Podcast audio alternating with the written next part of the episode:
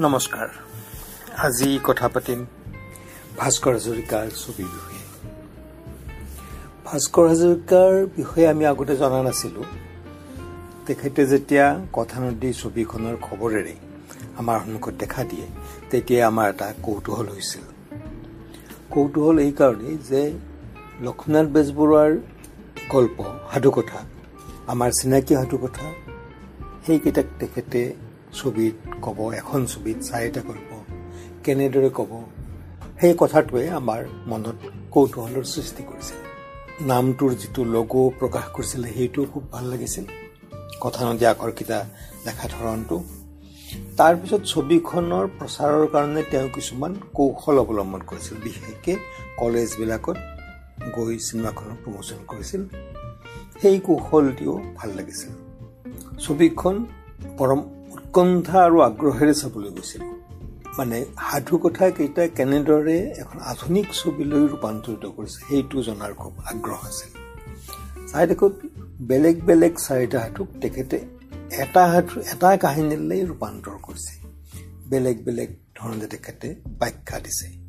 এইটো চাই খুব ভাল লাগিলে আৰু যে এজন পৰিচালকে সম্পূৰ্ণ নিজৰ মতে নিজৰ ধৰণে ছবি এখন কৰিবলৈ আগবাঢ়ি আহিছে কৰিছে সম্পূৰ্ণ কৰি দেখুৱাইছে।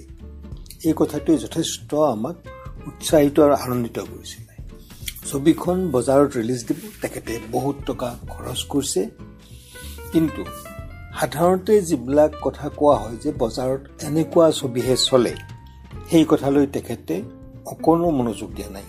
তেখেতে যি ভাবে যি বিশ্বাস কৰিছে তাকেই ছবিত কৰিছে। এই কনভিকশ্যনটো আটাইতকৈ ডাঙৰ আৰু সেইটো আটাইতকৈ ডাঙৰ প্ৰাপ্তি আছিল ভাস্কৰ হাজৰিকাৰ প্ৰথম ছবিখনৰ পৰা।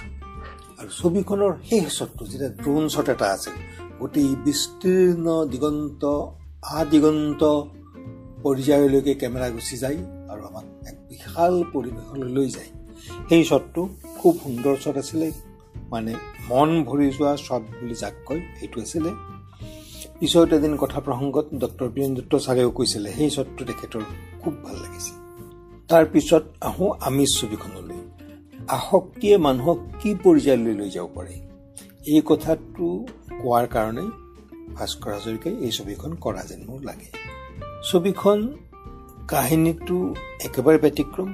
আকৌ কৈছোঁ বজাৰত চলা যিবিলাক কাহিনী বুলি কোৱা হয় তেখেতে বজাৰত দিয়াৰ কাৰণে ছবি কৰিছে কিন্তু বজাৰৰ নৰ্মছ তেখেতে মানি চলা নাই তেখেতে নিজৰ মতে কৰিছে নিজে যিটো বিশ্বাস কৰে তাকেই কৰিছে। এই সাহস আৰু কনভিকশ্যন এই দুটাৰ কাৰণে ভাস্কৰ হাজৰিকা আকৌ এবাৰ মই বাহ বাহ দিছোঁ। ছবিখনৰ দুটা ভাগ প্ৰথম অৰ্ধটো দুয়োটা ভাগে সৰল স্বাভাৱিকভাৱে সৰলভাৱে কাহিনীটো কৈ গৈছে। সৰল মানে কোৱাটো সৰল তাৰ কথাৰ মাজত কিন্তু বহুত টেক্সট আৰু চাব টেক্সট আছিল। সেইবিলাক বেলেগ বেলেগ সময়ত বেলেগ বেলেগ ধৰণে সেইবিলাকে ব্যাখ্যা কৰিব সেইটো বেলেগ কথা আৰু তাৰ কাৰণে বহুত দীঘল ব্যাখ্যা দৰকাৰ। কিন্তু প্ৰথম ভাগটো খুব ভাল লগা। কম বয়সীয়া ডেকা আৰু বয়সীয়াল এগৰাকী মহিলা দুয়োৰে মাজত এটা অন্তৰংগ সম্বন্ধ। ভাল লগা ধৰণৰ সম্বন্ধ লাহে লাহে গঢ় লৈ উঠিছে। এই কথাটো অসম্ভৱ দক্ষতাৰে আৰু কোনো ধৰণৰ তাত যাতে বেয়া ভাৱৰ জন্ম নহয়। অত্যন্ত কোমল আৰু ৰোমান্টিকভাৱে ভাস্কৰ হাজৰিকাই এইখিনি বৰ্ণনা কৰিছে সেইখিনি খুব ভাল লাগিছে।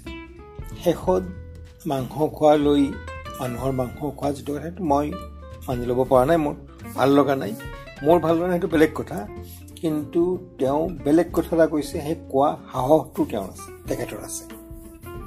এটা বেলেগ কথা মানুহে নভবা কথা এটা কৈ তেখেতে আমাক চমক দিছে আৰু চমক দিয়া সেই সাহসটি ভাস্কৰ হাজৰিকাৰ আছে।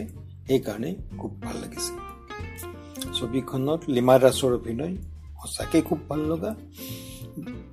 তেখেতে কথা কওঁতেওতো সুন্দৰকৈ কৈছে আৰু যিখিনি সময়ত কথা ক'ব নালাগে মুখৰ অভিব্যক্তিয়ে কথাটো বুজাব লাগে।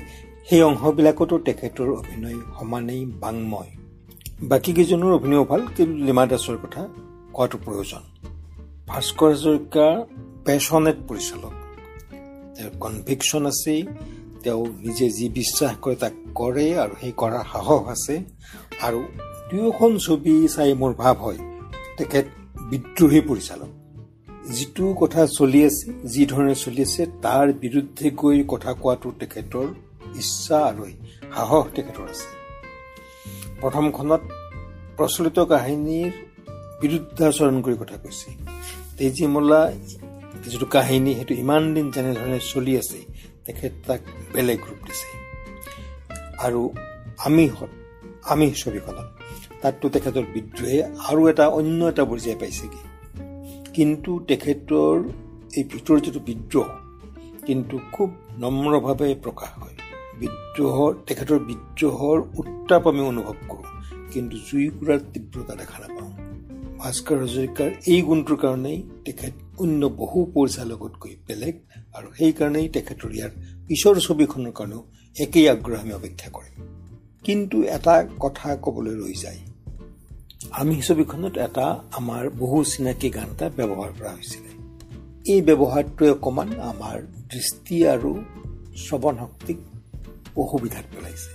কাৰণ চিনেমাখনত ভাস্কৰ হাজৰিকাই যিখন পৃথিৱী সৃষ্টি কৰি লৈছে সেইখন তেখেতৰ নিজৰ পৃথিৱী। তাত আমাৰ চিনাকি সত্ৰীয়া নৃত্যশিল্পী লিমা দাস তাত নাই তাত বেলেগ এগৰাকী মহিলা। তাত নিতালী দাস আমাৰ চিনাকি নিতালী দাস নহয় বেলেগ এগৰাকী মহিলা সেইগৰাকী মহিলা ভাস্কৰ হাজৰিকাৰ সৃষ্টি। গতিকে কাহিনী পৰিৱেশ তাৰ বক্তব্য গোটেইখিনি ভাস্কৰ হাজৰিকাৰ সৃষ্টি। সেইখন ভাস্কৰ হাজৰিকাৰ নিজৰ পৃথিৱী। কিন্তু তাত আমাৰ চিনাকি গান এটা আমি একেই ধৰণে পঢ়াই দিয়া মানে তেখেতে ইমান সময় যিটো ইলিউজনৰ সৃষ্টি কৰিছিল মায়াৰ সৃষ্টি কৰিছিল এটা তেওঁ নিজৰ পৃথিৱীৰ সৃষ্টি কৰিছিল তাত যেন ক'ৰবাত এটা খুন্দা খাই আৰু এটা অংশ লাহেকে ভাঙি যায়। এইটো একান্তই মোৰ ব্যক্তিগত অনুভৱ। তেখেতে তেখেতৰ ছবিখন যেনেকৈ আমাৰ লগত একেলগে উপভোগ কৰিছে আমাৰ ভাৱটো তেখেতে উপভোগ কৰক এইখিনিকৈ সামৰিছোঁ আৰু তেখেতৰ পৰৱৰ্তী ছবিলৈ আৰু অধিক আগ্ৰহেৰে অপেক্ষা কৰিছোঁ।